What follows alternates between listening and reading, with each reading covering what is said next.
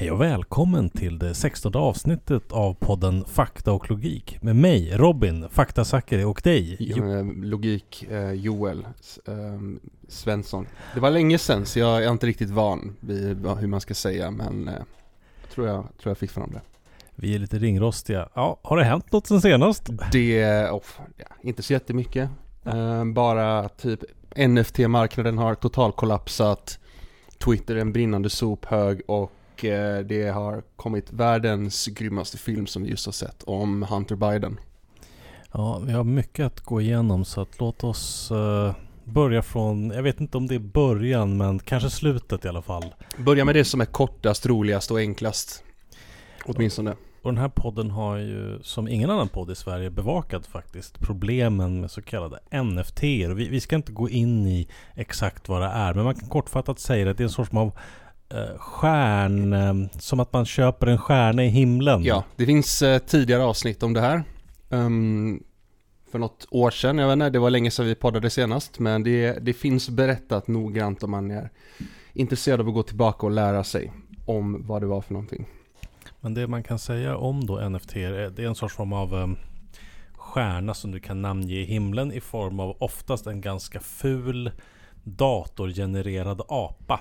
Ja, du, du äger en, ett, eh, eller ja, du, du, precis, du, du får ett slags digitalt kontrakt på att du äger någonting.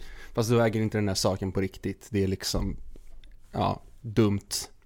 Och för ett år sedan så var det här jättestort. Det skrevs väldigt mycket okritiska artiklar i media, mycket, en del i svensk media, eh, om att men, kolla på den här nya coola grejen som gör att eh, konstnärer kan ta betalt för sitt arbete. Ja, ja. Och hur gick det med det då egentligen? Ja, ett år senare så har ju liksom marknaden pumpats upp och dumpats. Och när vi säger dumpats, då menar vi total kollapsat. NFT-marknaden har gått helt åt skogen. Det existerar inte längre. Och det har ju varit så att det har funnits några plattformar där man har kunnat köpa och sälja sådana här NFT-er och den stora OpenSea bara det namnet är ett tecken på att vi gör någonting lite suspekt ute på det öppna havet. Ja. Där inte staten kommer åt. Eh, den var extremt hypad, den var extremt värde högt värderad. Och nu säljs det i princip inga alls. Ja, för alltså det har alltid varit så på NFT-marknaden att eh, det har varit mycket handel som är fake därför att i och med att det är helt online och att eh, det är kopplat till online-identiteter så kan folk bara, och man ska tillägga helt oreglerat, så kan folk bara köpa saker ifrån sig själva för att ja, manipulera marknaden, vilket ledde till att eh, över 90% av all handel med NFT var från början alltid helt fake, bara folk som köpte och sålde sina egna grejer för att pumpa upp priset. Och det här kallas för wash trading tror jag. Att man tvättar ja, ja, genom precis. att köpa och sälja till sig själv. Och så hoppas man ja. att i, i processen så finns det någon sucker som bara Kolla vad den här bilden på en apa med solglasögon och eh, tuppkam och en guldtand. Ja. Den har ökat med, med 10 000 procent de senaste dagarna. Ja. Här ska jag gå in och då, då blir man suckern. Mm.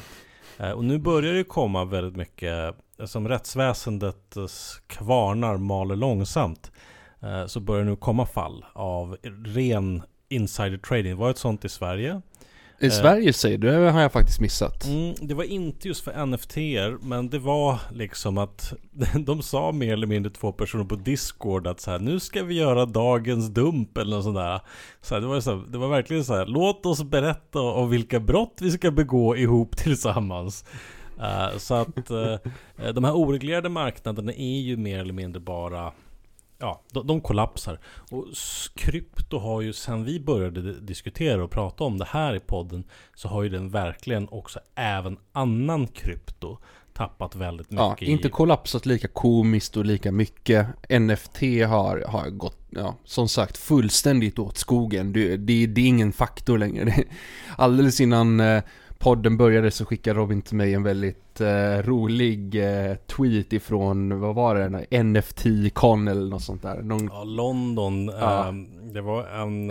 Eh, om du kan tänka dig en deprimerad konferensanläggning och jag ja. tror att många som lyssnar på den här podden kanske har någon gång varit i en deprimerande Jag har faktiskt aldrig varit med på en sån tillställning som drar så lite folk mm, baserat eh, i förhållande till den yta som man har hyrt som det här. Det, det, det är liksom eh, det, det är uppställning med så här 10 gånger 4 stolsrader och det är 10 personer där ungefär.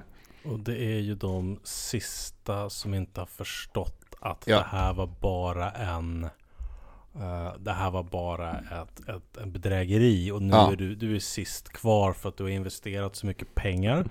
Och möjligtvis en del av din identitet för att du har, du har, du har liksom i och med att det är ett pyramidspel så har du drag, försökt att dra in dina föräldrar, dina syskon, Ja, dina, dina vänner. Och jag var ju väldigt intresserad av NFT när det kom just för att jag tyckte det var så dumt. Så jag gick med i en NFT-grupp på Facebook. Mm. NFT Sverige. Och där var det liksom bara, ja men vi är ett community som ska hjälpa varandra att Ja. sprida konst och så. Det var liksom bara folk som bad andra människor jobba gratis för deras värdelösa Säg NFT-grejer. till mig, fick du meddelanden från folk som ville att du skulle köpa NFT av dem? Ja, och det, det jag tycker är kul också med det här är ju att alla sådana här stora bluffar tenderar ju att generera ett helt eget språk. Mhm. Alltså det är olika termer som Ja. de staplar på varandra och, och liksom Utöver bara att NFT är en konstig term menar du? Alltså bara, bara ordet non- non-fungible token, bara det är ju frånstötande. Och sen så staplar de liksom olika ord på det, det blir en ordsallad. Ja, Och till slut kan man inte diskutera någonting med en annan människa som inte är inne i det. ja. Så att ja, jag fick meddelanden om folk som ville att jag skulle investera i deras eh, värdelösa eh, autogenererade konst. Och vissa tror kanske att det här är liksom Ja, men när man tänker konst så tänker man oftast en, ett, ett hantverk. Eh, en, en person som sitter ner, den tänker, Mm. den kanske målar någonting och sen så har du det.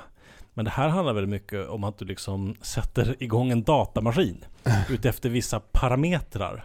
Mm. Och så kan du generera 10 000 olika sådana här citat konstverk. Ja, vi, vi pratade om det här i längd på det tidigare NFT-avsnitt, avsnitt en om jag minns rätt. Jag tror Mycket flera. möjligt. Vi har gjort Ja. flera. Så att vi, vi ska inte hålla oss i NFT, men det är bara gnugga in det här att så här, vi gjorde, vi är två dudes. Eh, som Det är gjorde minst ett sagt, minst sagt, bättre- ja. minst sagt två dudes. eh, som gjorde ett bättre jobb av att bevaka NFT-er än den samlade svenska Låt, låt, journalistkåren. mig, låt mig säga att krypto, jag tycker mycket av, av kryptotillgångsvärden att det är fake och pyramidspel, men det var hundratusen gånger mer uppenbart att NFT-skiten skulle gå fullständigt åt skogen. Ja, och eftersom det är så uppenbart och det har gått om skogen så finns det liksom inte riktigt någon orsak att eh, vi ska hänga oss kvar i det mer. Ja, Eh, men allt sånt här, man kan säga sista är att alla såna, ingen, ingen scam försvinner. Alltså den kommer tillbaka i en ny skepnad. Och det kommer även NFT att göra på något sätt eftersom krypto i sig inte löser några problem krypto säger att det ska lösa. ja, Du, du kan inte betala med, med krypto. Det tar jättelång tid, det är dyrt och det är dåligt. Ja. Och då kommer de här liksom kryptogrejen behöva att mutera på Mm. olika sätt. Så att så här, det här är inte sista gången, men vi, vi är beredda att nästa gång vi hör ett dumt nytt begrepp i den här världen, då, då är vi där. ja. Och kanske till och med investera tidigt. Det är det som är pyramid, med pyramidspel. Är man först så Ja. är det bra. ja. Och eh, för att vi kommer ju faktiskt komma in på en viktig sak om krypto, nämligen att eh, Dogecoin som vi är tidiga investerare i har ökat med många procent sedan Elon Ja. Musk tog över Twitter. Har, det- har, är det därför? Okej, ja. Det Det- var samma dag för att folk trodde att jo men nu så, så kommer han att göra det här till den officiella valutan på Twitter och i ärlighetens namn, en officiell valuta på Twitter det låter snarare som någonting negativt för någon än någonting positivt. För att, och det är ju en väldigt liksom rimlig transition då vi kan göra till att diskutera Twitter. Har det hänt någonting med och på och om Twitter nu? Mm, ja, det, det har, och det, det är synd att vi har eh, Synd att vi tog vårt långa eh, sommats, eh, sabbats eh, uppehåll för det, det har hänt en hel del kan man säga.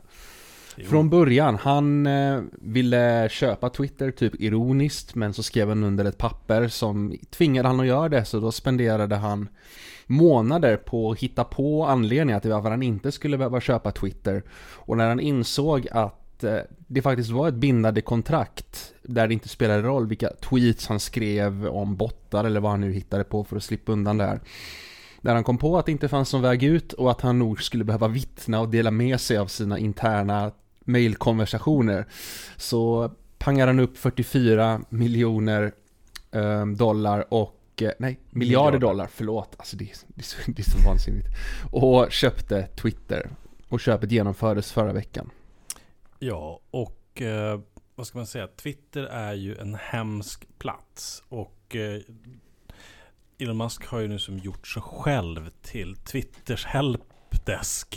Vilket Det, alltså är jag, jag, det jag, värsta på jag, jorden jag, jag, tänka jag dig. älskar det här så otroligt mycket. Jag menar, det är, inte, det är såklart inte bra att en, en, en psykotisk miljardär tar över ett, en så stor del av många människors liv och använder liksom sin diktatoriska makt till det yttersta. Men det är fortfarande bland det roligaste som någonsin skett. Det, är, det här är i klass med, alltså i komedinivåer, det fanns mycket negativt med det också, med när Donald Trump blev president. Bara att det, är- det är så absurt och idiotiskt allting som sker. Den här poddens linje är ju Chapo-linjen och alla vettiga människors linje att Donald Trump blev president är någonting som USA aldrig någonsin kommer att komma över. Ja, och det är någonting de förtjänar. Ja. Och- Det här, är- och det här, det här är också någonting som vi förtjänar, skulle jag vilja hävda. Att det blev på det här sättet. Och jag tänker vi kan gå, vi ska nog gå in liksom i olika delar i varför det går så dåligt för Twitter. Ja. Eh, vi kan börja med, som vi väldigt ofta på den här podden hamnar i, att finanskrisen runt 2008. Det, verkar konstigt Mm. att man alltid återkommer till Egentligen den. till och med typ IT-bubblan 2000. Om man vill verkligen eh, gå tillbaka till där det börjar. Ja, och det, det, det, det har vi utrymme för, helt klart. Eh, låt oss bara ta liksom... Det finns, nej, men det, Ja. finns olika, det, du säger där handlar ju om räntepolitiken. Men det finns också det här om eh, hur tjänar man pengar på saker online. Som är också en väldigt viktig del av vad som har hänt. De här hänger såklart ihop. Så Mm. att vi, om, jag, om jag kör jag kan Ja, kör på, kör på. så kör jag på, på räntepolitik och så kommer tekniken. Så då får vi fakta och logik. Och grejen är att den här podden, eh, vi är inte här hela tiden. Vi Nej. måste samla på oss fakta Vi är, och ett, vi, logik. är ett, vi är ett kärl som fylls med logik. Och när det kärlet är fullt, då blir det en förlösning där ni också får all logik förmedlad till er. 2008, ni känner till storyn. Eh, ekonomin kraschar på grund av, men inte bara, på grund av olika ska man säga, finansiella instrument på den amerikanska bomarknaden. Eh, USA har, en väldigt, har inte haft en särskilt hög produktivitetsutveckling. Det har inte varit särskilt hög produktivitetsutveckling i ekonomin globalt överhuvudtaget på ganska länge. Man löser det här genom att folk kan få låna till konsumtion istället. Så även om liksom allting inte blir så mycket bättre, men så har många människor fått tillgång till billiga krediter. Alltså det blir billigt att låna pengar. Mm. Och så lånar folk pengar. Och lånar. Och Du, pratar, du pratar om, det här är, det, lån är ju med krisen såklart att göra. Men menar men du före eller efter nu när du pratar om eh, konsumtion? Det är nog både och alltså. Ja, Men om vi börjar, eh, om vi leder upp till krisen så är det ju att det är många, många som lånar pengar för att köpa en bostad. Ja. Drömmen om att äga ett hus, en villa är väldigt stark i Mm. USA och i Sverige.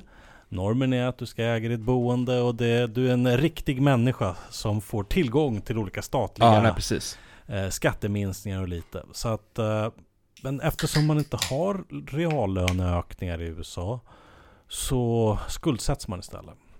Mm. Och sen så lånar man folk och lånar och lånar och lånar och till slut så säger någon bara vänta det här, vänta, det här är ju det här är byggt på sand och sen kollapsar det. Mm. Och inblandat i det finns ju också det här att de har en eh, De har ju en, de har, de har, de har en finansmarknad som är väldigt kastreglerad så att Ja. det, de ger incitament som är helt vansinniga att folk bara ska dela ut lån utan att se till att de faktiskt, lå, lånen är fungerar som lån är tänkta att fungera, att de ska betala tillbaka sig eh, långsiktigt. Ja, och det finns ju en film som är väl en av de mer definitiva skildringarna som är Adam McKays film. Eh, som heter The Long Short. Nej, Det, vänta, heter, The heter Big det? Short, The Big förlåt. Short. Ja. The Big Short. ja, det är Eh. en synonym i alla fall. Och eh, kortfattat så för massa människor tar en massa lån och eh, sen så säger någon att vänta det här, de här pengarna finns typ inte och sen kollapsar den. Och det alla riksbanker gör är att shit, allting håller på att rasa ihop. Om Ja. vi inte gör någonting, då kommer liksom världens ekonomiska smörjmedel som är finansmarknaden. Finansmarknaden är ju som till för att så här, flytta resurser från olika ställen. Ja, precis. Uh, och i- en neoklassisk idé om marknadsekonomi då ska Ja. det bara bli asgött. Och när, liksom. och när Lehman Brothers kraschade, det tog ju allt bara stopp. Det stannade Ja. av många anledningar. Och bland annat då så stannade ju kreditgivningen, alltså det som gör att man faktiskt kan satsa på grejer.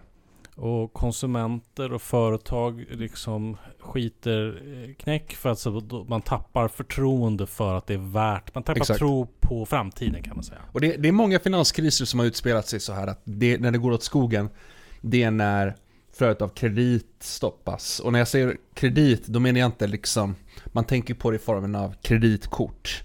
Ja. I grunden är det lite samma sak, men jag, det här pratar inte om konsumtion, utan bara faktumet att du ska kunna skapa nya pengar för att göra någonting. Du ska kunna investera.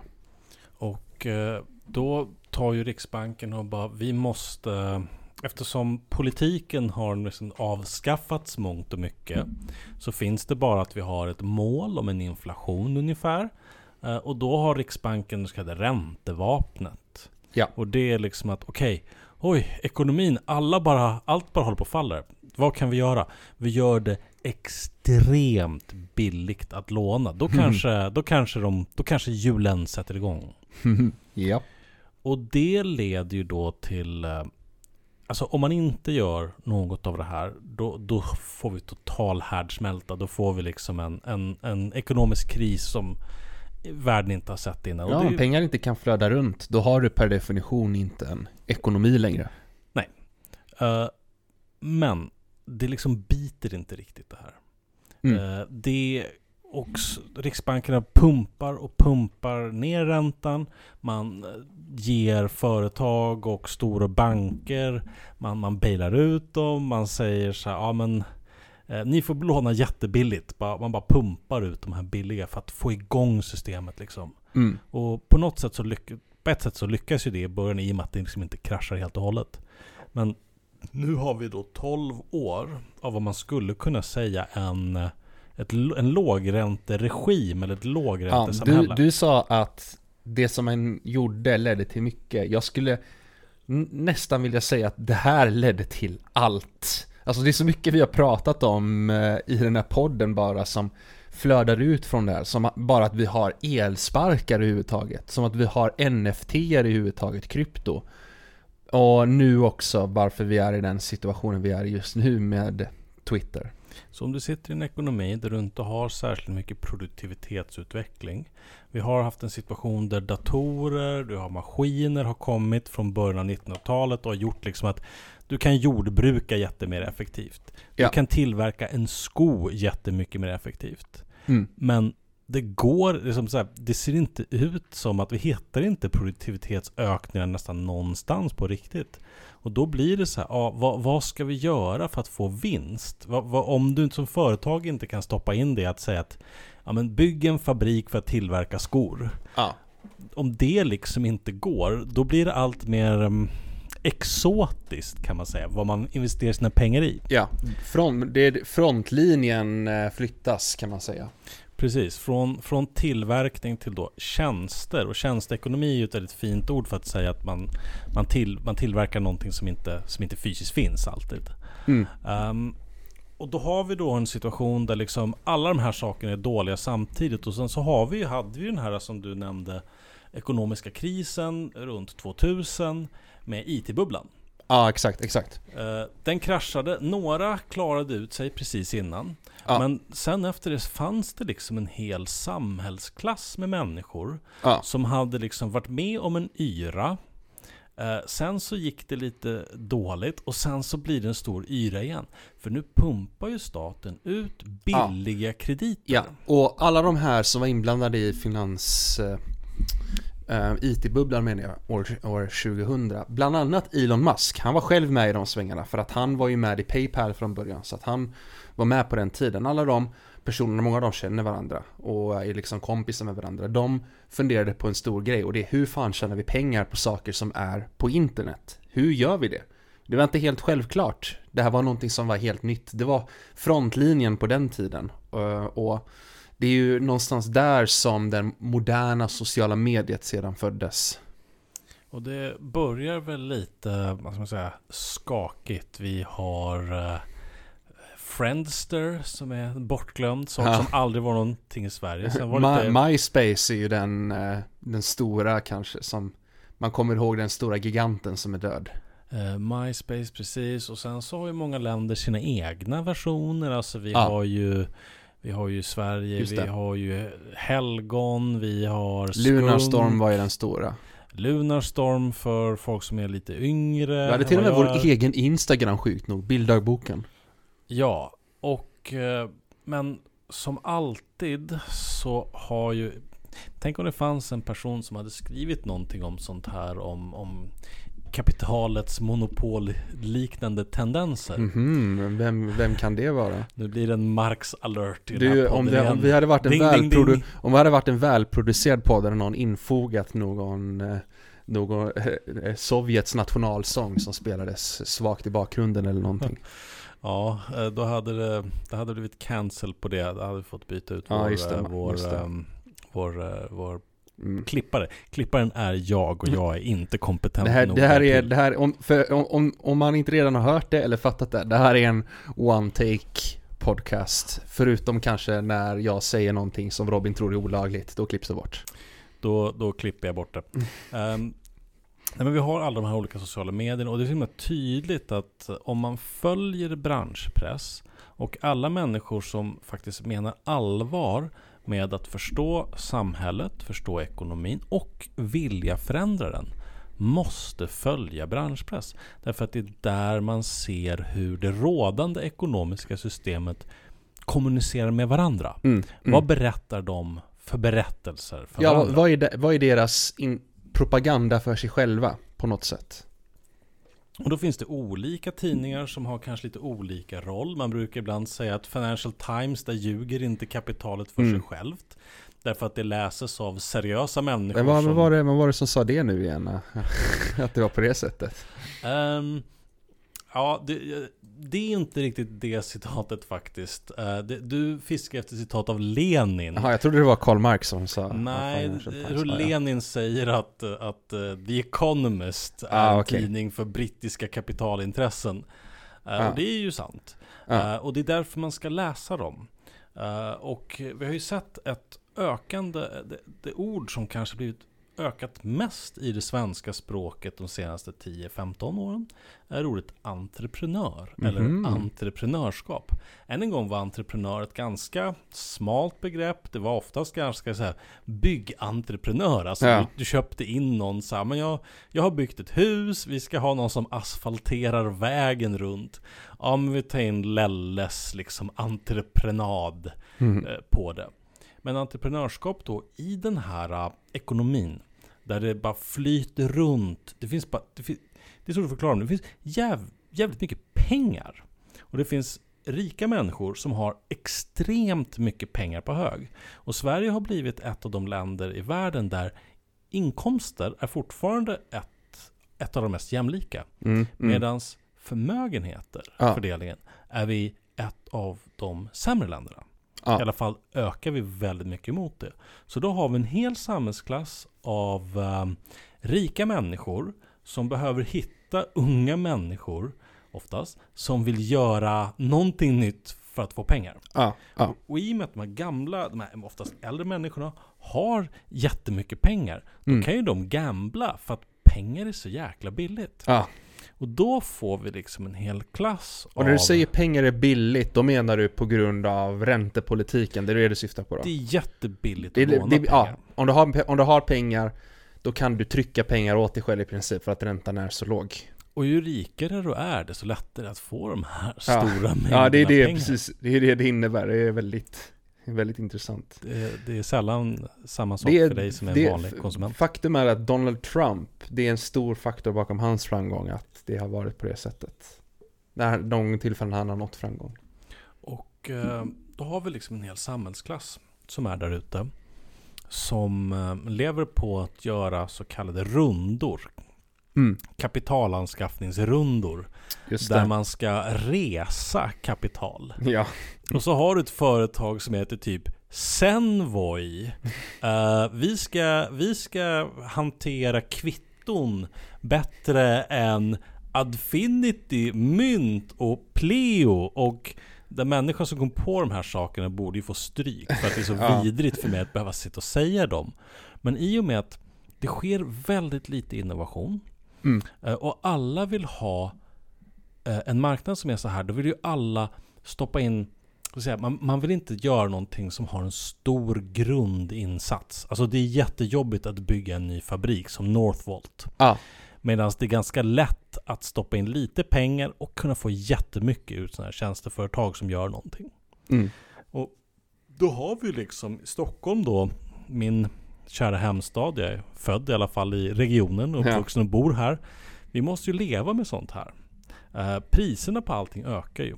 mm. Fastigheter ökar, allting Ja, på grund av Fram det här. tills nyligen. Fram tills nyligen.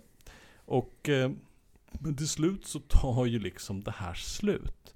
Och när pandemin kommer och när liksom då, och vi har försörjningsproblem med de här långa, långa kedjorna av försörjning av saker. För att produkter som tillverkas är ofta så komplexa nu. Så att så här, om det är någonting som går sönder, liksom, ja, men, ja, men den här hamnen i, i södra Kina, den, den hade liksom ett, ett problem. Och helt plötsligt så, så kan liksom inte Senvoy sälja sina, jag vet inte, engångskameror man Ja. sätter i bältet eller något sån här värdelös skit. Eh, och då tar det liksom slut. Eh, och nu efter pandemin så, så höjs ju räntorna av alla riksbanker. I Mm. princip alla. Jag tror att alla bara följer liksom. Man leker följa John. Eh, Fed i USA gör det. Du har liksom den brittiska centralbanken och sen så kommer den svenska liksom på. Ja. Och då kommer vi tillbaka till Elon Musk. Han har för det mesta bara verkat inom den här uh, lågräntevärlden. Mhm. Så att han har ju liksom Han har ju en, vad ska jag säga, Elon Musk är som Joel tidigare sagt han, han är ju en maskot. Ja, ja, precis. Det här är liksom ingen PG Gyllenhammar typ. Det här är ingen arkitekt som bygger system för hur man ska styra saker. Nej. Han har infall och han har heta takes på sociala medier. Ja, och han har lyckats sätta i system att, att gynna hans verksamheter genom eh, olika, olika PR-tricks. Genom att bygga hype som man säger.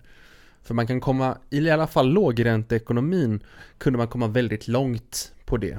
Bara pumpa din aktiekurs genom att tweeta någonting coolt och episkt om din nya produkt och så vidare. Eller kanske till och med gå längre, ta ett längre steg än så.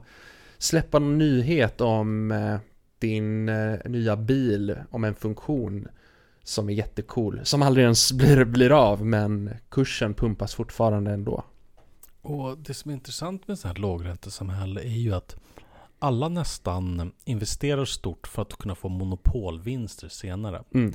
Så att du behöver inte kunna sälja så många saker av din jag vet inte, automatiska flaggstång som är någonting, någonting. Alltså, du behöver inte sälja, du behöver bara övertyga några personer som sitter på mycket kapital Ja. som de bara brinner det, för det är det här som gör Tesla så jävla sjukt, därför att de kommer aldrig kunna slå Volkswagen eller Toyota. Det, det, det är helt, att Tesla är så högt värderat är ju vansinnigt. Men jag har ju sett eh, Tesla-fanboys på internet som säger saker om att det här minsann är, de kommer ju bli den största biltillverkaren på Ja, jorden. men det är för att han har han är, Musk är en bra maskot, han är bra på att sälja grejer och han är en ganska kompetent populist i, eh, i slutändan. Han är väldigt duktig på den biten. Eh, Det finns mycket att säga här om Twitter absolut, hur han har kommunicerat det, men eh, han, han har inte, han, han, de verksamheter han bygger är liksom inte jättemärkvärdiga på det mesta, men just på PR och kanske till och med propaganda är de extremt kompetenta. Ja, och eh, då kommer man ju då till den här att han har köpt upp Twitter. Det, det har skrivits, vad ska man säga, spaltmeters bläck har spillits över hur det här är ett problem för demokratin och på olika saker. Men jag tycker att vi kanske, det kanske finns en underbeskriven situation och underförs, underdri, kanske förståelsen inte utbredd om hur mm. extremt rutten plattformen är i grunden botten, både ekonomiskt ja. Eh, och funktionellt. Ja. Eh, Twitter är ju liksom, ska man säga, det finns ju egentligen tre stora sociala medieplattformar idag. Mm. Du har Facebook som är en lönsam i grund och botten verksamhet som tuffar på. Sen så gör Facebook idiotiska ja, saker ovanpå ja, det. Ja, liksom. det, är, det, är, det är otroligt. Jag tror, jag tror de är det, uh, de är det sämst presterande Standards and Poor-företaget uh, i år. Facebook. För att de har bränt så mycket pengar på sin uh, metaverse-skit där alla ser ut som mi-karaktärer och inte får någonting av det överhuvudtaget. Men Facebook i sig självt alltså, det vill säga att du har ett sociala medieplattform och folk köper annonser på det, är fortfarande någonting som fungerar. Och jag, vi jobbar ju på ett ställe som använder oss av Facebook därför att man kan inte inte vara där. Nej, det, det, det, och det ger ganska mycket. Alltså det, det är någonting som folk använder bara för att det är så otroligt effektivt. Och eh, det är liksom i grund och botten fungerande. Du har ju också på det så har ju du um, Instagram som är ett Just stort det. socialt medier som ägs av Facebook, samma där. Mm. Och sen så är det Twitter. Och ja, det finns ju Snapchat och så finns TikTok. det TikTok och så vidare. Ja. Men de är inte, de kanske inte har så stor mindshare. Och de är också två... Beror på vem du frågar och vilken åldersgrupp du frågar. Hello fellow tweenies. Jag skulle säga, jag skulle säga att i alla fall TikTok skulle jag vilja släppa in nu bland de stora medierna. Eh, men, men absolut, i, i, i svepande eh, ordalag så är det ju tre stora plattformar. Jag håller med. Eh, och eh, sen så kommer ju, det kommer nu stort. Gör er redo för Mastomania. Ja, Mastodon. Mastodon. Det är som Twitter men som Joel skrev på Mastodon. Det är fantastiskt. Man kan vara där flera minuter och skriva någonting utan att någon som heter Jag älskar Hitler Eh, 1488 kommer att kommentera någonting. Ja, det är... Det, det, jag blev faktiskt positivt förvånad över Mastodon. Men som jag också skrev där. Det är en plattform som präglas lite av vad jag skulle kalla för nördtics. Alltså att det, det är gjort mer för nördar i vissa avseenden än för eh, normisar, slutanvändare. Man måste kunna ord som federation. Vilket jag eh, aldrig någonsin vill eh, veta vad det betyder. Jag har... Jag, jag, jag, vet, jag vet vad det betyder, jag vet vad det betyder. Men Precis, det är sånt försök som, inte låtsas ja, här att du inte jag, vet vad det betyder. Men det, det, ja, det är, de behöver fixa lite slutanvända grejer tycker jag. Mm. Men tillbaka till Twitter. Ja, och Twitter då, det, det funkar inte jäkla bra. Alltså det är inte så lönsamt. Nej. Um, och när vi då kommer till en situation, om vi då funderar över, jo men så här, vad, vad bryr sig en person som, som köper in annonser? Ja. Ja, för er som inte kan annonsmarknaden, då finns det massa olika eh, termer. Det finns många trebokstavskombinationer. Kost per klick eller ja, klick ja, per million. Alltså det finns massa olika sådana och det, saker. Det här i grunden, det här är hur det är hur de knäckte nöten med och fan, hur ska vi tjäna pengar på internet? Svaret blev annonser. Och det blev ställt i hyperläge genom att man typ tänkte okej, okay, annonser och vi använder dessutom den massiva mängd data som alla bidrar med till de här plattformarna för att göra annonserna ännu bättre på ett ungefär. Men det Twitter har ju aldrig varit, alltså så här, vi, ja, vi har annonserat på Facebook, vi har annonserat på olika plattformar. Twitter har alltid varit ett skämt för ja. annonsering. Ja. Det är inte idag och har aldrig någonsin setts som en seriös plattform Ja, för det, det, har, det finns en massa anledningar till det. Jag skulle i huvudsak säga att Twitter är ett ställe för, inte för personer, utan för personan. Alltså persona, personas, eller ja, Mm. vad, vad ordet nu är. Det är inte din riktiga person, utan du har, eh, du har en fasad mer på Twitter än på någon annanstans. Och det förstör ju hela den här idén med annonsering. Om du inte då längre kan rikta riktigt saker väl, för att du har inte riktig personlig information från folk. Och det är så fantastiskt att den här nya fantastiska världen med internet blev Ja men det är olika egentligen. Det är samma affärsmodell som en dagstidning Mhm. alltid har varit. Annonser, det är där du tjänar pengarna. Ja, fast med, med det här extra som är data och att man kan Ja. rikta dem på olika sätt. Precis. Och, men Twitter får inte ut särskilt mycket vettig data från sina användare. Ja, det, det är, nej precis. Och det, är- Precis. det är väldigt lågkvalitativt att annonsera mot människor på Twitter. Det ser man om man använder Twitter på de annonser du får. Alltså för mig är det, jag ser två olika sorters annonser. Den ena är typ spam-annons. Det är liksom eh, en bild som ska locka mig och klicka genom att det typ står I can't believe she did that och ser någon liksom, någon typ snygg tjej som gör någonting eller whatever. Och den andra typen är Timbro när de rekryterar till sin digitala akademi. Ja, det är också... Jag, jag gjorde, genomförde inte ett experiment, men jag... förs för, nej, det är seriöst. Eh, Jag skrev i min Twitter-bio att jag är frihetsälskande entreprenör. Jaha, vad fick du se då för annonser? Ja, alltså då får man ju mycket business to business. Jaha, det och säger det är de Mm. roligaste annonserna på jorden. Därför Ja, att liksom, om du som en privatperson går runt så här, vad, vad bryr du dig om? Ja men jag kanske vill veta var jag kan köpa pasta billigt. Eller jag, jag kanske, Mm. kanske vill åka på en resa. Mm. Eller någonting. Men om du, om, om du identifierar dig som entreprenör. Då, då är det en annan, um, alltså den, yr, den yrkesmässiga livsstilen. Det blir Ja. många så här produktivitetshöjande appar och så här Ja, Ja men, eh, vi- eh, skaffa den här tjänsten, den är cloud first. Nej, nej, den här tjänsten, den är no cloud. Eller, ja, jag vet inte så alla orden, men det är liksom så här, ett, ett sätt att, att ha en bättre upplevelse på Twitter är hitta på att du är någon annan. mm.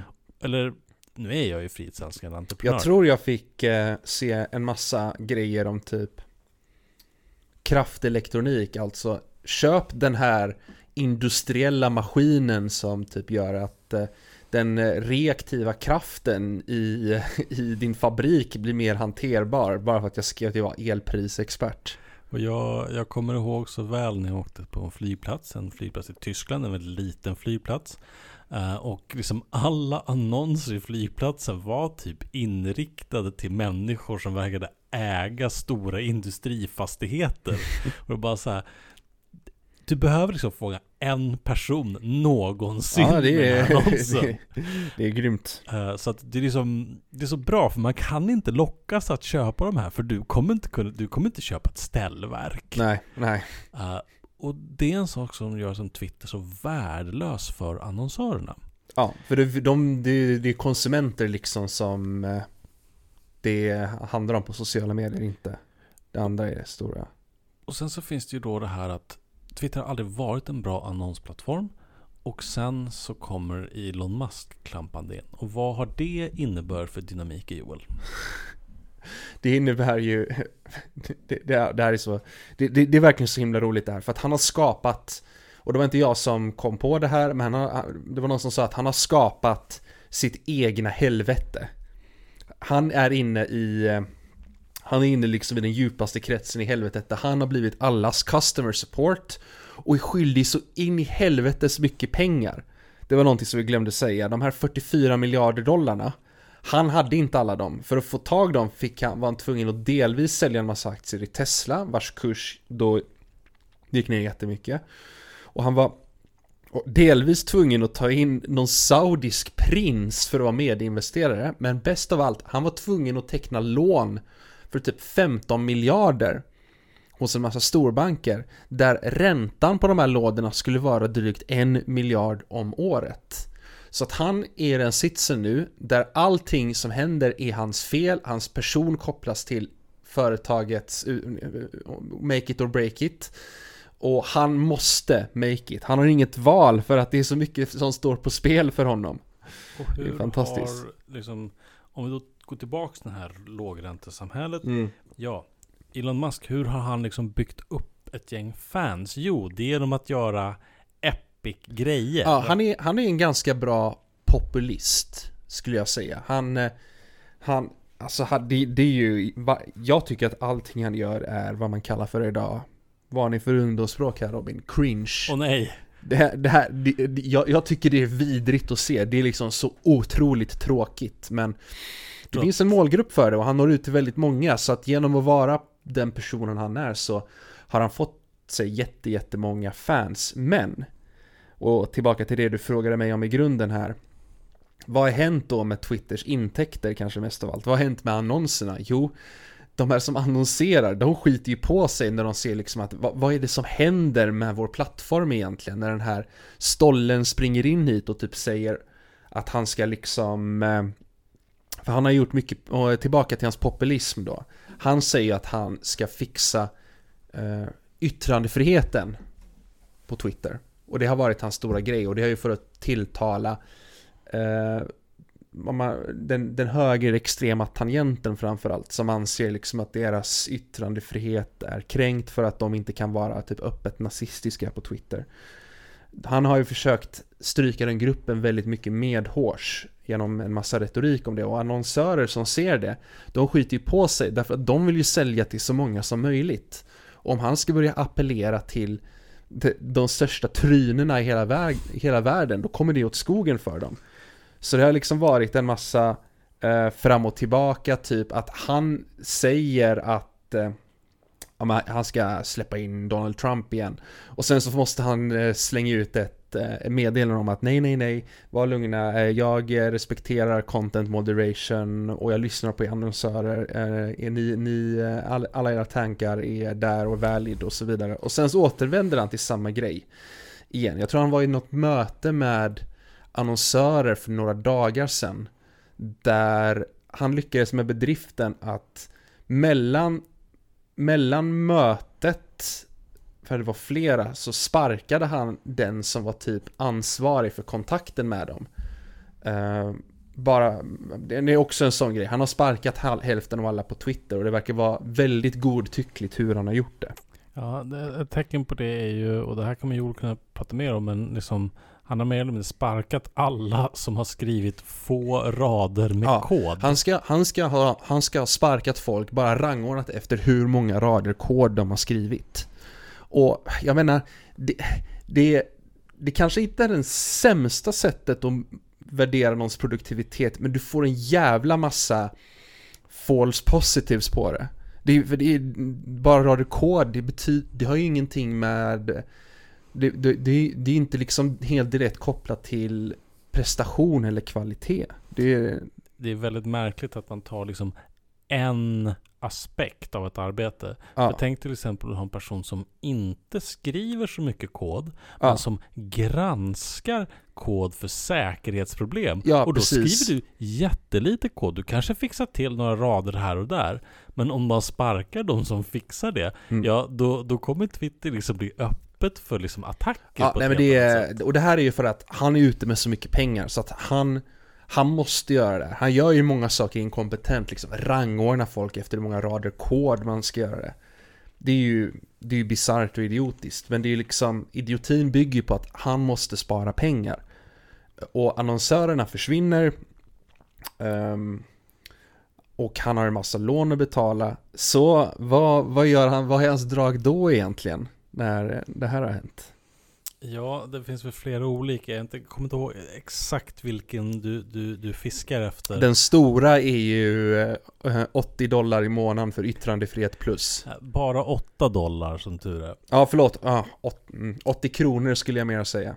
kommer nog bli mer i svenska pengar. Det kommer nog bli över 100 kronor faktiskt. Med eh, moms och valutakonvertering. Och Apple kanske ska ha Ja, sin just slant det. emellan Ja, just också. det. Jag tror att, jag tror att det de har, för de har, ju, de har ju smyglanserat det nu på test på eh, iPhones i USA. Då är det, och det här är lite intressant tyckte jag, det är ju 8 dollar det kommer kosta. Och det Mm. betyder att, för Apple tar ju 30% av det, så att de får ju inte ens 80 kronor, 8 dollar i månaden själva, utan de får ju typ 6 i och med att Apple tar så mycket. Och det är det nästan alla sådana här företag som hamnar i en situation att shit, pengarna håller på att torka upp. Vi le har levt på rika människors Ja. lånade pengar.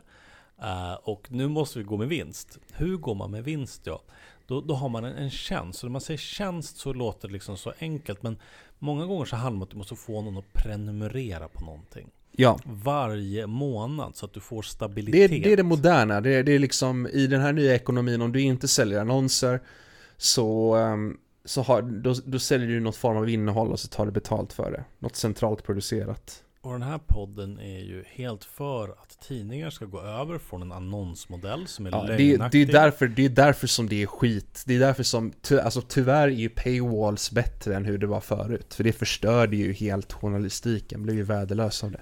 Ja, och den har inte riktigt återhämtat Nej, sig. det, det har den ju inte. Har den verkligen inte. Eh, Men då hamnar vi i en situation där att alltså det kommer finnas en klass med människor som tycker att det är värt att betala 100 spänn i månaden. Och vad får man för det? Ja, du får hälften så mycket reklam, det är min absoluta favorit. Hälften så mycket reklam och hälften, det är ju ett relativt mått. Så det betyder att alla andra kan lika gärna få dubbelt så mycket reklam, bara du får hälften.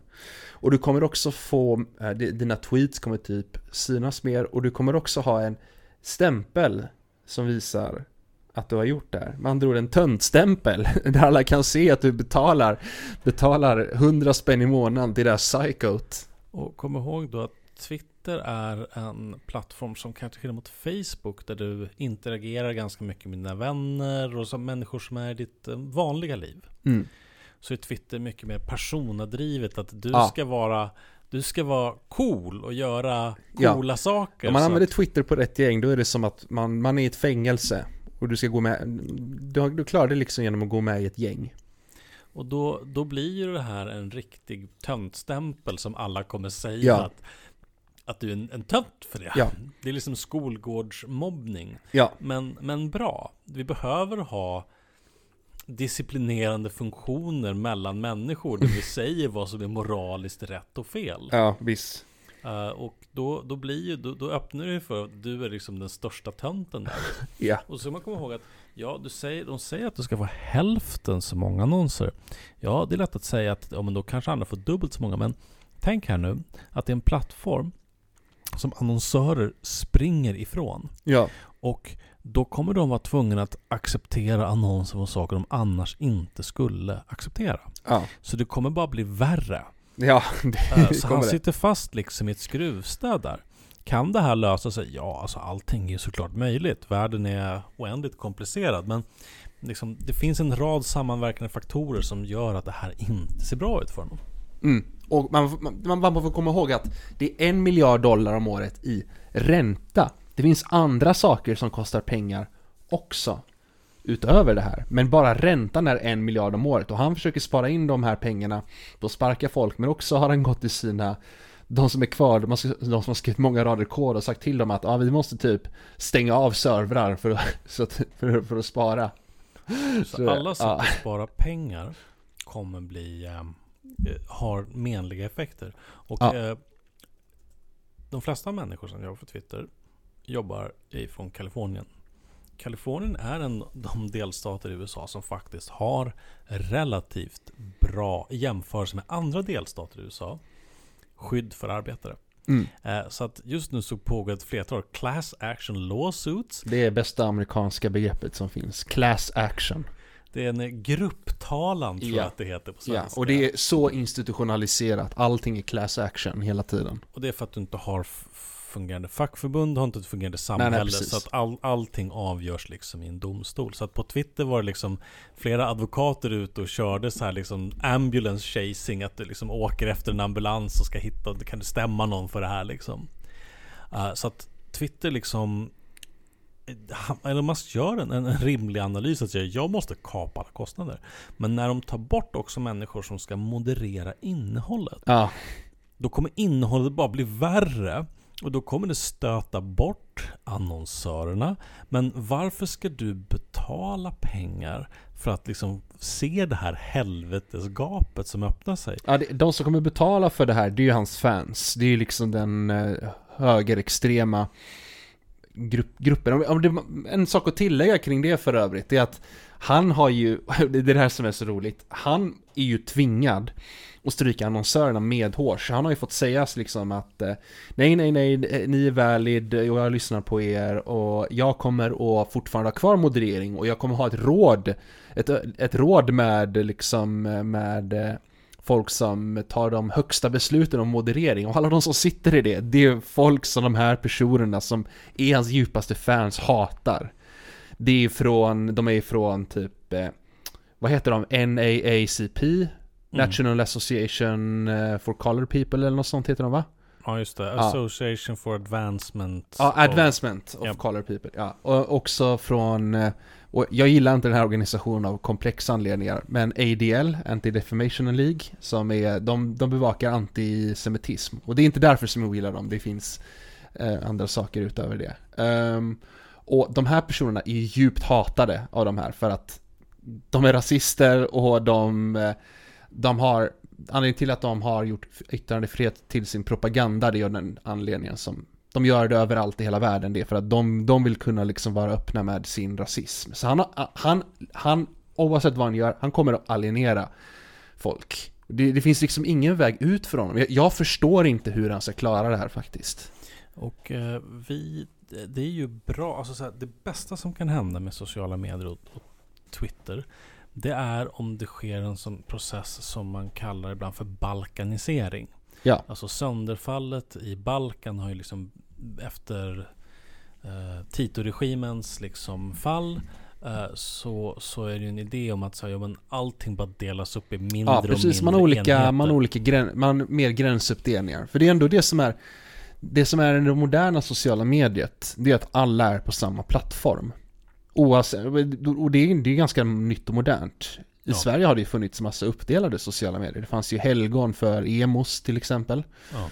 Och så fanns det, jag tror det, jag var inte aktiv här, men det fanns väl något som hette socialism.nu som typ var ett forum för eh, socialister. Precis, det har liksom, och då är det så här att, ja men då säger man, finns, då finns det ju inget intellektuellt utbyte. Ingen stöter och blöter några det. Men vet du vad? Ingen intellektuell utveckling har skett Nej, på men Twitter. det, det, som, det som händer, det som incitamenten är på Twitter, och det är därför jag använder det, det är för att gå in och försöka äga folk jag ogillar, och det är så som alla använder det. Så det bästa som kan hända är ju då att det här faller ihop och att faktiskt att konkurrenter som Mastodon, eller att det här delas upp så att högerextremisterna sitter för sig själv Ja. eh, för att ingen annan vill ha med dem att göra. Ja, för det är det som är deras stora problem liksom, att de de, de nöjer ju sig, för de har ju redan massa kloner, de har ju Gab, den, den antisemitiska klonen, de har Parler? Parler, de har... Också den antisemitiska klonen. Ja, den är som är ägd av Kanye West nu. Ja. Ja. Jajamensan. Nitter. Och Trumps nätverk Truth Social. Och jag tror, och rätta mig om jag har fel, men är inte Truth Social byggt på Mastodon? Ja, ja. Jag tror antingen Truth Social eller någon annan. Det kan vara så att de gjorde en 180 där för um, de, Mastodon är gjort på, den är ju öppen källkod men det finns en licens som heter typ AGPL och den är, den är mycket, den är den striktaste. Den säger att du om du använder Mastodon och gör liksom ändringar i den koden, då måste du publicera dem. Även om du inte liksom säljer en produkt, det spelar ingen roll. Bara du har en server som har modifierat koden av Mastodon måste du publicera den. Så de, så de bråkade jättemycket med eh, True Social innan den skulle lanseras på grund av det här. Och i våra show notes så kommer ju såklart mina och Joels Mastodon-handles att finnas. Och Ja. det är där vi lägger den riktigt, riktigt spicy innehållet som inte passar i en Ja, podd. ja, det är det råa, ofiltrerade innehållet. Där in, ingen kan censurera mig. Då är det, det är där man får se det. Och Nu kommer vi till den första sak någonsin i faktologik, nämligen att vi kommer ta en liten paus. Eh, För att vi ska ta och snart gå in på en film Ja, jajamensan. Och det här, du, du, du, ingen annan svensk podd kommer att ta upp den här filmen. Ja, det, det, undrar varför. Av, av lätt, som Carl Bildt säger, lätt insedda skäl. Eh, Men vi ska bara ta en liten paus och fixa i ordning lite så vi kan fortsätta senare och köra den här filmen. Mm. Yes. Infoga Wii eh, Music eller vad det nu är. Ja, Du, du, du, du får göra det. Du, får- du får göra det tycker jag. jag vet inte hur man gör. Välkommen tillbaka till Faktologik där jag förmodar att det spelats någon form av pausunderhållning som typ stumfilmer hade på den gamla goda tiden. Det kommer fram en man med ett piano som pinglar lite, eller jag vet inte fan. Ja, det är en, en man med en sjavig kostym där Ja, skorna har öppnat sig där framme så tårna sticker ut. Eh, ja, vi ska gå in på en film nu. Vi är ju förmodligen den enda podd i Sverige som faktiskt bevakar propagandafilm kan man kalla Ja, det. oavsett var den är ifrån. Är det kinesisk propaganda? Är det amerikansk propaganda? Är det... Det kanske bara är de två vi övervakar. Men de är i alla fall båda två lika intressanta på sitt sätt. Precis. Och eh, vi har ju bevakat många kinesiska filmer nyligen. Och eh, nu är det dags att vi går tillbaka till det än så länge mäktigaste imperiet på jorden. USA. Ja, Och i USA så finns det en filmskapare som heter Adam McKay. just det. Man kan beskriva honom som eh, ja, spelfilmsversionen av Michael Moore. Ja, han, vi tog upp han eh, tidigare i avsnittet. Det var han som gjorde The Big Short. Han har gjort många andra bra filmer. Han är väldigt kompetent. Han är inte bara liksom någon som gör simpel propaganda utan är väldigt eh, kompetent filmskapare. Och eh, inte bara det utan också, också ekonomiskt framgångsrik så att han får göra fler Ja, filmer. ja, precis. Det sitter ihop lite. Och eh, USA har ju precis som Sverige en, eh, ska man säga, livaktig, frodande, högerextrem mediesfär. Mm. De har ju ända sedan, som till och med Richard Nixon var inne på, att vi behöver bygga upp ett, eh, en konservativ eh, mediekanal. eh, Så har ju amerikansk höger byggt mycket media. Ja. Och då finns det ett flertal olika sådana här. Ett av de mest kända är ju då Breitbart. Ja, just det, just det. Som grundades av en man som heter Breitbart som sen dog och sen så tog Steve Bannon över ett tag tror jag. Ja. Eh, och de konservativa i USA, de är ju liksom inte, de är inte nöjda med att de får bestämma över ekonomin. Nej. De är inte nöjda med att de har byggt en polisstat. De är inte nöjda med att de faktiskt typ fått allt de vill. Men sen så finns det det här jobbiga jävla att alla respekterar inte oss. Ja, de får inte den uppskattningen som de tycker de förtjänar för allt det de har gjort. Och deras fans, eh, deras barn tycker att de är töntiga. Väldigt mycket så. I den här filmen är det till och med en liten aspekt av det som dyker upp. Så som andra har observerat på internet kring den här filmen som vi kommer prata om, om Hunter Biden, My Ja, Hunter ja, om det inte var den. uppenbart, om vi inte sa det innan, det är Hunter Biden-filmen vi såg på, som heter My Son Hunter. Eh, Och det här är liksom, jag vet inte vad tanken med den här filmen är. Det är väl kanske att få en äldre människa att köpa den här och sätta den i sina barnbarns händer. Ja, ja det, Och för att de ska liksom se, kolla här, vi är konservativa, vi gör också film. ja, Eh, Men då missar ju de här reaktionärerna att det har gjorts fantastisk reaktionär film. ja, det finns, alltså Death Wish är det som jag framförallt gillar att ta upp. Det är kanske bästa reaktionära propagandan som någonsin har gjorts. Death Wish, De- Death Wish 3-filmen är um, 70 minuter ren reaktionär smörja Ja, som... den, den är kanske mindre, jag, jag skulle säga att ettan, det är den som är den mest eh, eh, subversiva produkten i alla fall av dem. Det är ju den som är effektiv Mm. i att få igenom sin propaganda. Men Death Wish 3, det är precis liksom som om man, om man tittar på liksom hela ska säga, kriminalpolitiska debatten är bunta ihop och skjut dem. det Charles är- Bronson ställer sig med en gigantisk person och bara skjuter folk en efter en på gatan. Han skjuter till och med med en bazooka. Alltså Ja. tänk dig att du har en film, liksom att det går någon, någon, någon, någon, någon Twitter-snut-älskare som går liksom runt med en bazooka i Tensta. Ja. Det, det, är, det är den filmen. Det är, Ja. en, en fantastisk film. Eh, Men den här Hunter Biden-filmen är ju långt, eh, långt ifrån fantastisk. Det, det, det är den, eh, den är, den är verk, den är verk, alltså jag, jag gillade verkligen inte den här filmen, ska jag öppna mig och säga. Den, hur den, hur den sitter ihop är att den har tagit alla skådisar som är cancelled. Hon Gina Dirawi ifrån, eh, som var med i Star Wars-serien om jag minns rätt. The Mandalorian var det Ja? Mandalorian precis. Eh, och hon blev cancelled för att hon är efterbliven. Och eh, då Mycket får man vara med. antivaxande var det Ja, mest. ja alltså, alltså grupperar allt hon tycker som efterbliven. Men det är just det, just det var det.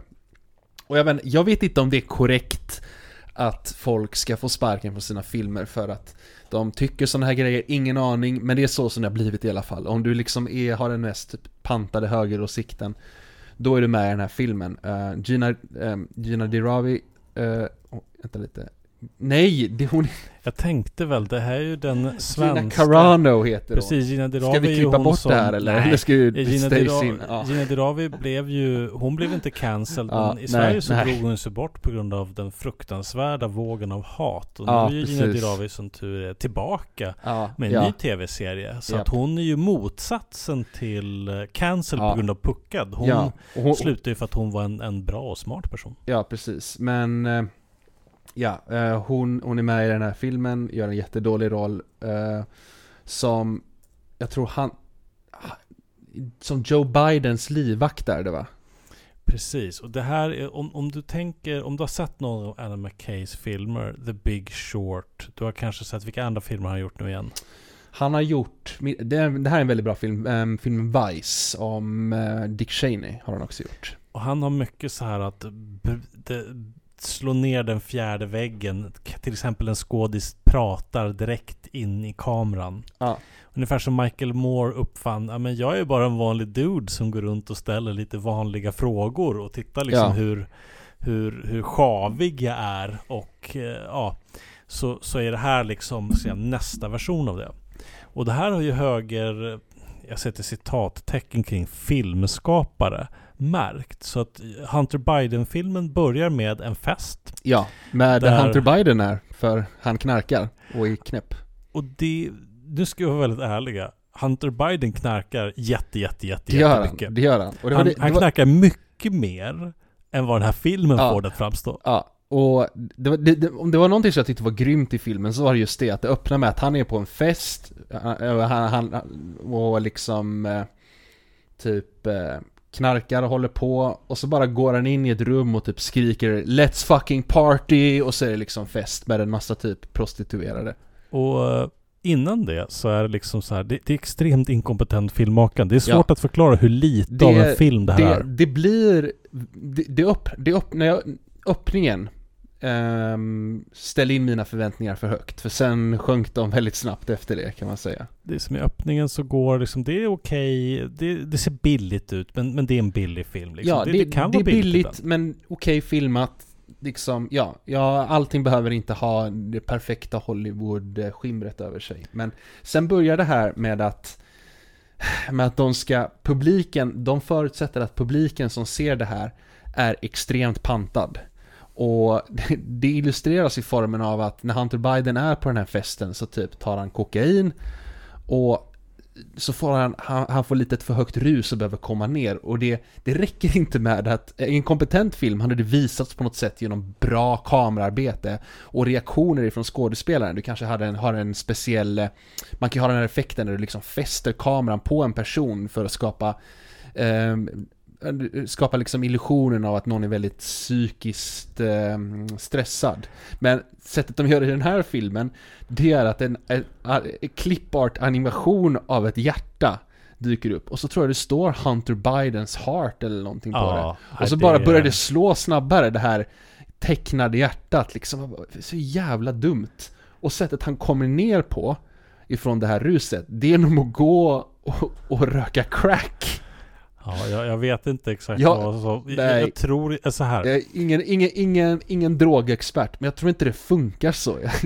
Det, jag tror inte att de människor som gör den här filmen om de träffar rätt så vet de inte. De bara, de bara Nej. kör lite. Det är liksom inte... Antagligen, de ville bara få ner att Hunter Biden, han tog kokain och sen så tog han crack, typ. Det var det väsentliga. Och de som ska titta på den här filmen ska ju förstå att det här är den hår, det, det är en, en orgie av sex och knark och alla människor där är liksom moraliskt fördärvliga. ja det, är, det är dekadent, det är promiskuöst, det är... Men Mm. den här skulle du kunna sätta i din 13-årige barn, so- son, sons hand för att Ja. han ska få veta varför farfar är så arg på Så Hunter det är liksom Biden. inte Wolf of Wall Street som kanske är den andra inspirationen för den Ja. här filmen. Det är, det är väldigt PJ-13 fortfarande, så att ingen är ju liksom så naken, även om man kanske är lättklädd. Det, det är verkligen eh, lättklädd men inte naket. Det är liksom, det, det är dekadent men det är inte snuskigt. Jag här i mina anteckningar står det pronomenrunda. De hade en va, på krogen de var på i början, på den här festen. Och det här hakar ju i att det är en det här är en film som har vissa tics. Och den Ja. går liksom igenom alla konservativa tics som finns. Och det är det här som gör en, alltså det som är bra, det som hade varit bra, bara för att reitera, det hade varit om de visade liksom den riktiga Hunter Biden, han, han knarkar och är liksom hänger runt med horor och det hade man kunnat göra rätt rolig propaganda på, men istället så måste de få in allt det här som de stör sig på, som liksom pronomen. Är det, inte, är det inte fånigt hur ungdomarna har en massa olika kön när det Ja, på min tid ja. fanns det bara två? Ja, ja det är, det är en massa sånt hela tiden och en massa clipart ovanpå det. eh, Och jo, roliga ljudeffekter också. Det är verkligen som en gymnasist hade gjort filmen ibland. Ja. Men eh, sen så kom alltså det, vi får säga så här, i Sverige så är motsvarigheten liksom eh, Sverigedemokraternas SD-riks sketcher. Ja, det, det, det här är en SD-sketch fast bättre producerad. Och, eh, och det som filmens stora mål det är att få de som tittar att tycka att Hunter Biden är en extremt dålig person och Ja. att via att han är så dålig så är också Joe Biden korrupt och ondskefull. Ja, vilket illustreras genom att de sitter i en bil och pratar väldigt, väldigt, väldigt länge. Jag tror att om filmen är kanske en och en halv timme lång så kändes det i alla fall som 40 minuter. Ja. Att så här, Joe Biden får veta men jag ska bli, jag, jag kommer nog att bli president. Ja. Jag måste prata med min son eh, om att han inte får hålla på och fucka upp och ha sig. Ja. Och det här pågår i 40 minuter och det mer eller mindre är Hej min son! Jag är besviken på dig och dina, ditt, ditt leverne. Ja, Men så länge du inte skapar problem för mig Ja. så bryr jag mig inte så precis. mycket. Det är det. Jag är besviken, men du är fortfarande en Biden och så ha ha ha ska vi inte vara grovt kriminella tillsammans typ. Och liksom den delen av filmen som fångar en mer, det är faktiskt den första delen. Ja. Eh, och liksom den får Hunter Biden att verka som mer sympatisk än vad jag tror filmen vill att Ja. man ska få. Ja, ja jag, jag, eh, man har lite svårt att ogilla Hunter Biden efter att se det här. Um, vilket jag, jag tror var målet med filmen. Och när vi då kommer då till det här med att de sitter i den här limousinen. Ja. Eh, så, så, så sitter liksom Joe och han pratar. Och sen så börjar liksom filmen gå över till eh, Hunter Bidens, ska man säga, Först är det så här, ja men jag har en laptop som har blivit stulen eller sådär. Ja. Och liksom allt som kom ut ur den där laptopen var att liksom Hunter Biden, han, han verkar gilla, gilla, gilla knulla. Uh, Mycket. Eh, och det blir så så här, och gilla ta, ta knark, men det är liksom, det var ju ingenting nytt. Nej, nej. Men eftersom konservativa, de trodde ju att det här var liksom d- den, den silverkulan som skulle få dem att vinna valet. Ja. Då måste de fylla den här datorn den här idén om att det fanns någonting jättestort. Och vi ska vara väldigt tydliga så här. Hunter Biden är jättekorrupt. Han fick liksom en, ett, ett jobb i Ukraina för ett så här statligt Ja, Eh, nej, men precis som alla de här, gasföretag. de här barnen till eh, rika liberaler så får de låtsas jobb bara för att de som ger dem jobben vill komma åt deras föräldrar. Och det är samma sak med Donald Trump och så här, i och med att... Och med eh, Chelsea Clinton, skulle jag ja, säga. alltså det är så här, alla de här misslyckade barn.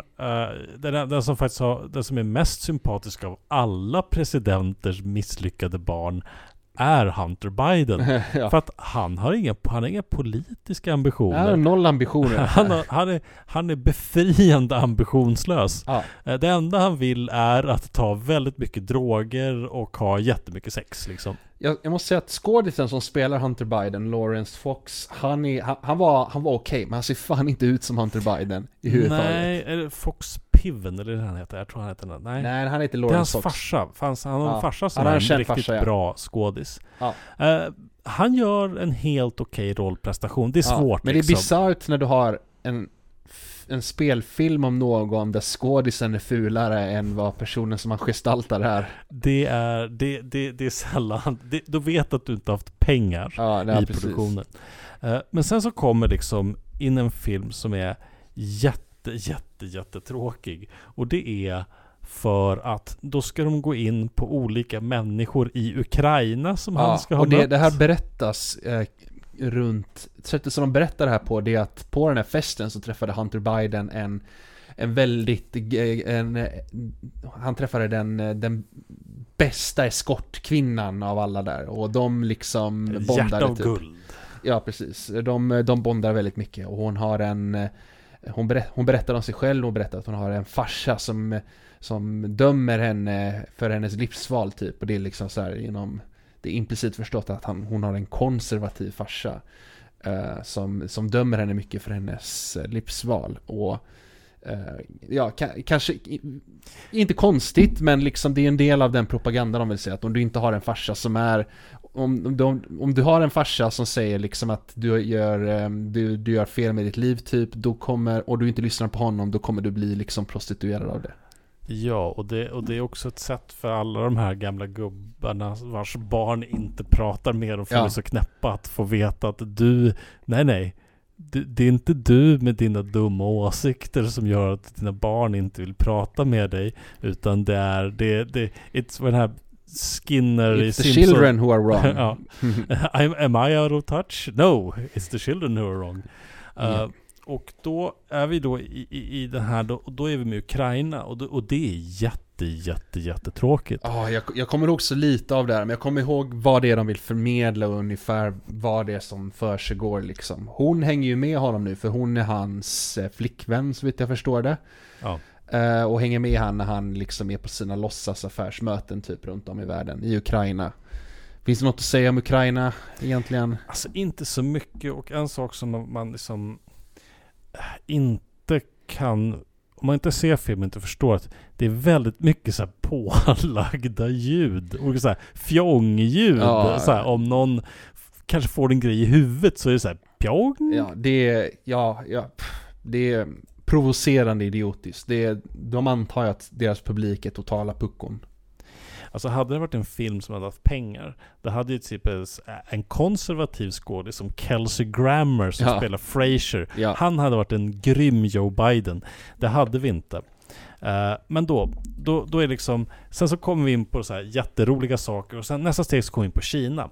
Och det illustreras det av att Hunter Biden åker till Kina, eller rätt sagt, han är på ett hotell, alltså det är mycket så här hotell. För att det är så här, det är billigt att skapa Ja, det är mycket det i inte- För filmen. att alla hotell ser Ja, likadana ut De spelar in i ett hotell, i en bil, i ett annat hotell, i en typ krog som de hyr. Det, det, var, det var platser valda efter hur billiga de var märkte man. Och då åker han nog till, till, liksom, till Kina och där får han någon sorts form av diamant eller någonting av en kinesisk affärsman som Ja. är från kommunistpartiet. Ja. Eh, och liksom samtidigt då så har ju han den här, eh, den här flickvännen som säger men Vänta här nu, har du inte hört talas om de här uigurerna? Ja, det, det här, den här vändningen var ju så jävla bisarr att hon... för det var, hon, hon, hon har, eh, hon har, vet tydligen väldigt mycket om uigurerna för att hennes föräldrar var missionerande kristna i Ja. Kina eller vad det nu var eh, återigen konservativt tics liksom att åh, det, de, var, de var goda kristna som ville hjälpa folk och sen så det är därför de vet allting det här. Och sen pratar hon jättemycket om uigurerna och hur jobbigt det är för dem och hon, det, det, då är den här filmen som hon liksom säger till honom nej nu har det gått för långt för jag vet alltid det här om uigurerna och vad man kan säga om det det är att gå in på breitbart.com och sök på muslimer så får du reda på vad de egentligen tycker om muslimer. Det skiljer sig inte så mycket ifrån vad, hur Kina behandlar dem kan man säga. Alltså de, de vill ju göra samma sak mot muslimer i USA och hela världen. Ja, ja precis. Som var Kina. De, det de bara gör, de hatar bara konkurrensen. Ja. Det, det, det är ju det där. Men, men det är, det är ska man säga, en, en enkel sak att få in. Mm. Eh, när filmen är framgångsrik eller rolig, det är den ibland liksom driver med amerikanska libs. Ja. Och då är det kanske inte som så här pronomenrundan, utan då är det liksom så här när, när det är några som amerikanska libs som syns här som säger här, Orange man bad. Ja, jag hade skrivit i mina anteckningar, jag kommer bara inte ihåg vad fan det var ifrån, men det, det sades, det sades någon gång. Och du har en av de allra, och amerikanska konservativa och rasister överallt är ju besatta av idén om att svarta människor eller bruna människor eh, kvoteras in på Mm. olika sätt. Mm. Men den här filmen har en av de hårdaste inkvoteringar av en svart person i en film jag någonsin Vem, vem har sett. var han? Var han typ del av Hunter Bidens eh, livvakter, eller vad fan var det? Ja. Ja. Han har inte, inte många repliker. Men han får väldigt ofta sitta, han får sitta med i några scener och lyssna och nicka ganska mycket. Ja, och hans funktion är också att han pratar med Hunter Bidens eskortflickvän och typ bekräftar saker som hon tycker redan. Eh, Det är inte en, en person med någon egen agens och så. Men det, det är bara så kul att se de här konservativa artikeln. Bara, nej, men vi måste ju ändå ha med en svart skådis så att vi inte kan bli anklagade för rasister Ja, för den grejen. ja. Och efter, men efter det här då med uigurerna, då får hon nog och, och liksom förstå, oj nej, han är, han är ondskefull och korrupt och ehm, lämnar honom. Men inte bara det, hon bestämmer sig för att gå till, till media och skvallra om vad som har hänt, berätta sanningen så att det här kommer ut om eh, Hunter Bidens ondska. För jag tror att hon har en laptop eller någonting med han, någonting. Han har spelat in någonting. det- hon har spelat precis. in en konversation med Precis. honom när han säger Ja. så här. Åh, jag har gått till Kina och nu så ska vi göra korruption Det, tillsammans. det finns mycket att berätta här, men först och främst så Jag tror det är här som hon börjar För man får komma ihåg Hur hon har klätt sig I den här filmen hittills Det är liksom väldigt, väldigt promiskuöst eh, Och Ja, det är en prostituerad kvinna Ja, som klär precis, sig på precis, liksom pre- precis, precis. Men i, när hon börjar.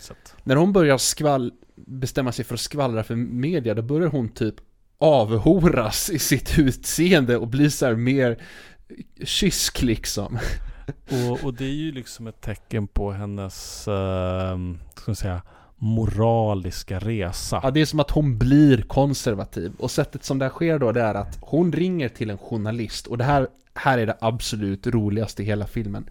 Journalisten som hon ringer till, det är någon som sitter framför en skrivmaskin med så här skärmkeps. Och eh, eh, eh, nästan har presskortet i mössan liksom, ser ut som Hunter S. Thompson. Och eh, han bara oj oj, det här låter som en eh, väldigt het story, jag måste följa upp den. Men han är också liberal, så vad som hände sen när de har träffats i en park för att berätta om det heta, det är att han typ säger att åh nej, men jag kan inte skriva om det här för att det är ett val snart och jag vill inte, jag vill inte att Trump ska vinna. Så att den här journalisten, den här liberala journalisten säger, eh, säger då nej till henne. Och det är väl, och här då så sker sen, efter det så sker, vad ska man säga, eh, av, av, eh, eller hennes, hennes moraliska resa blir, eh, blir fulländad. Ja. Hon har en lång fläta helt plötsligt. Ja. Hon har liksom så här kläder som amerikanska kvinnor som är med, mellanchefer och går och köper pumpkin spice lattes. Ja, hon har, hon, har, hon har kläder som täcker allt större delar av kroppen och som är knäppta kan man säga. Och eh, jag tror att hon på något sätt återförenas med sin far Ja, också. det är för att hon, hon, hon, funderar, hon funderar djupt och då- på vem hon ska vända sig till och då, då återförenas hon med sin pappa som hon liksom får kontakt med igen. Ehm, och eh, jag vet inte om det är han som tipsar om det eller vad som händer, men hon bestämmer sig för att få ut sanningen om det här genom att twittra om det. Ehm, så att det Ja. når ut till folk och det får jättemånga retweets, men det är också många liber- hon får mycket liberalt hat på nätet. Det, det är väldigt roligt att de har den här idén om att de här sakerna finns och sen så har ingen, alltså de bara, det hände ju inte Ja, så. det är nu, det är nu det, filmen har gått över. Om det inte var helt uppenbart till att bara vara fantasi liksom. Det här, det är så här det hade kunnat vara i en parallell verklighet. Och jag, jag skrattade högt när det här hände. Då ser man i, i hennes mobil, då ser man hur Rudy Giuliani skriver till henne Let's talk. Och det jag tänkte var liksom att han skulle, skulle te, te, träffa henne i ett hotellrum och börja tafsa på henne eller någonting. Men nej, det, det var att han skulle hjälpa till att avslöja den här eh, megaskandalen. Det säger ju hur, eh, vad ska man säga, smal målgrupp den här filmen ändå Ja, det här, är gjord, det här är gjord för en målgrupp som älskar Rudy Giuliani och inte såklart har några som helst problem med allting som han har gjort. Det är, en, det är en väldigt minskande grupp. Ja, det här är Eh, Men det som faktiskt då film, filmen, filmens absoluta början och absoluta slut är det bästa. Ja, Därför att i den sista scenen, det är inte ens en scen, i liksom när man, precis ett innan montage är det väl? montage, Ja. ett montage innan liksom credits och så. Eh, Då lyfter de upp liksom hur media faktiskt, och det här är 100% sant, Ja, begravde storyn om Hunter Biden i valet. Ja. Eh, nu tror ju konservativa att storyn är någonting annat än vad storyn är. Mm. Alltså media ville inte att det skulle spridas bilder och, eh, om liksom vad Hunter Biden höll på med på sin fritid. Mm. Och det, det är väl det är sant. Alltså media har också varit amerikansk media extremt daltande med korruption.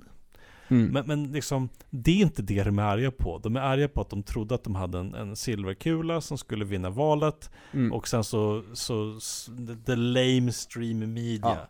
Men liksom den mediekritiken är inte tandlös. Det är liksom... Nej, det är, det är sant. Amerikansk media, de valde helt klart eh, tydlig sida i det valet. För de hade dåligt, de, de har haft så grov ångest över Trump. Och de kände sig medskyldiga till det. Så de valde liksom att, ja, lägga, sätta fingret på, eh, på vågen. Eller vad man precis, kallar det för. thumb on the scale. Ja, ja precis. Eh, om det var det som avgjorde eller inte, ah, förmodligen inte. Nej, För jag att tror i inte det heller. slutändan så var det som, det fanns, det finns inget material i den här äh, laptopen som annat än som säger att Hunter Biden gillar att knulla och knarka. Jag har väldigt svårt att se varför någon skulle, i alla fall i större massor, ändra sitt beslut i slutändan på grund av det här. Nej, det handlar om att få någon att inte gå och rösta eller få någon att rösta på något annat sätt. Ja. Och Hunter Biden liksom, det, det betyder ingenting. De Mm. ville att det här skulle betyda någonting och sen måste de liksom som rörelse verka ut det här. Och det är ändå Ja. ganska länge sedan valet nu, för film är ett medium som tar tid. Så när du har en liksom väldigt tidsbunden tick Mm. som kan funka att skriva 80 artiklar på Breitbart. Det, det blir inte, det blir inte bra film. Nej. Och eh, jag vet inte om vi har så mycket mer att säga om den här filmen. Se den inte annat än om du är kroniskt intresserad. Nej, det, det är många filmer som eh, vi rekommenderat, ironiskt, oironiskt. Den här ser den inte, den är jättedålig. Det finns lite roliga ögonblick i den. Det finns mycket vi inte har sagt, men det är bara för att det är inte tillräckligt intressant. Det är, ja, usch, jag ser inte fram emot vad de gör härnäst. ja, nej. Och I mina jag- anteckningar första gången har jag bara skrivit, mitt i allting, bara en massa upprepande s- snark-sätan, bara om och om och om igen, för det var så jävla tråkigt. Ja, det är en fruktansvärt tråkig film så att jag tror inte att Hollywood behöver vara särskilt rädda Nej, för nej, konkurrensen. Eh, egentligen i, i, i närtid. Mm. Och så här, det, det finns en allt mer större krets av uttalat konservativa skådisar i USA. Som alla har ju sett deras prime liksom försvinna Ja. från dem.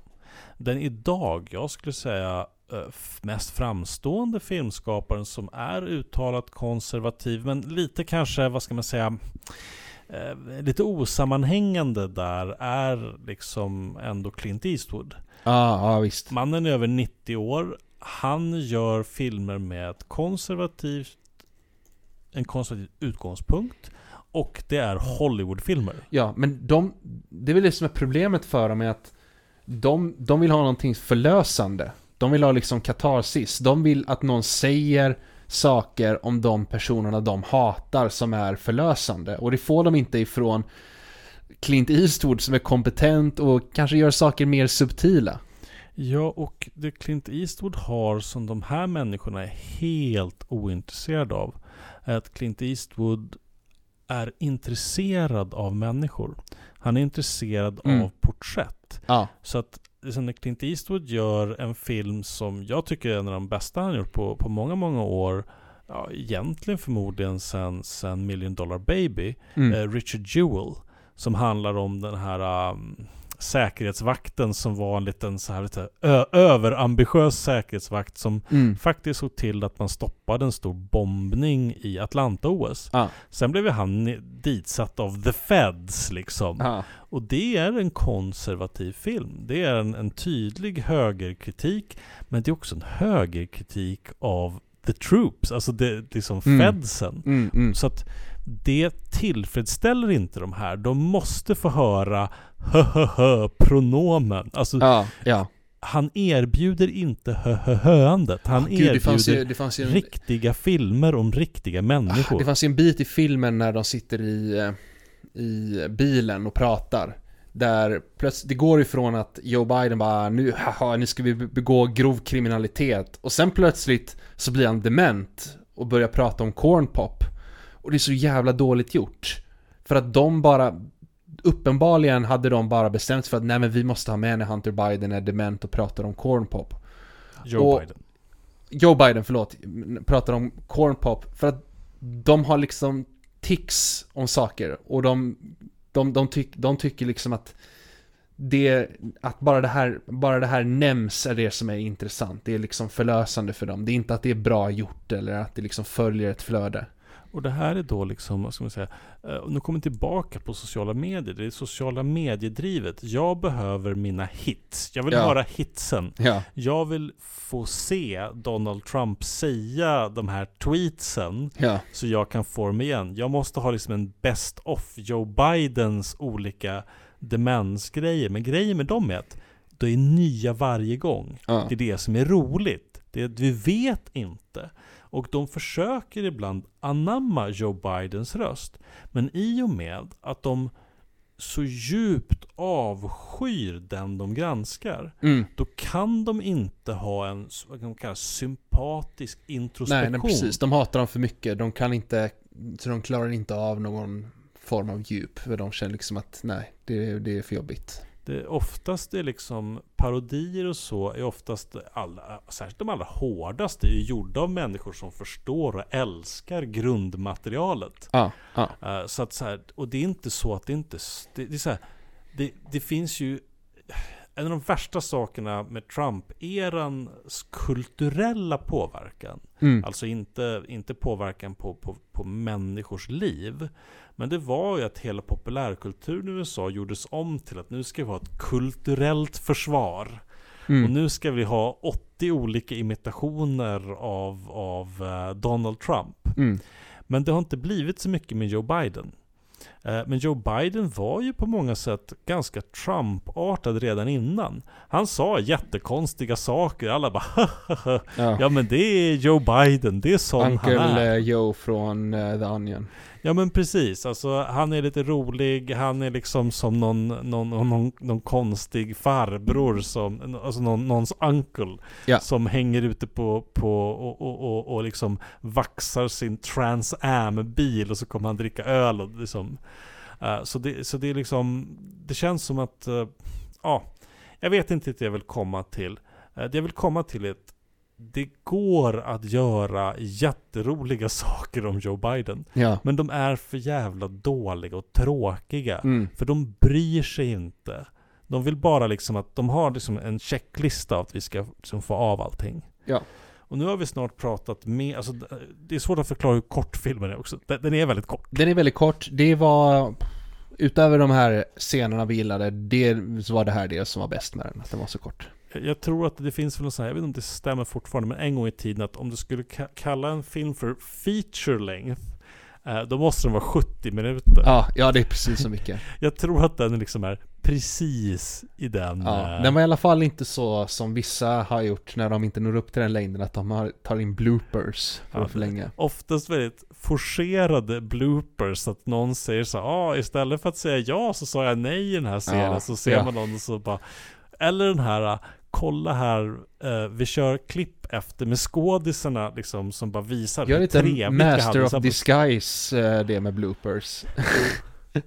vilken, vilken resa vi har varit på. Eh, och om du är en lyssnare till den här podden, eh, vilket du är uppenbarligen som du hör det här. Ja. Ge oss dina tips på reaktionära filmer. Oh ja, oh ja. Eh, och då vill jag inte höra Leni Riefenstahl.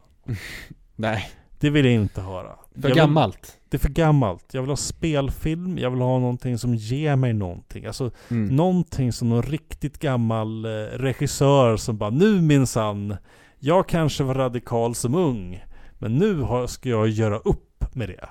Alltså sånt, sånt är det vi vill ha. Mm, verkligen, verkligen. Och tipsa inte om Clint Eastwood för det känner vi redan väl till. Ja. Och med de orden så avslutar vi det sextonde avsnittet av Fakta och logik. Tack och hej.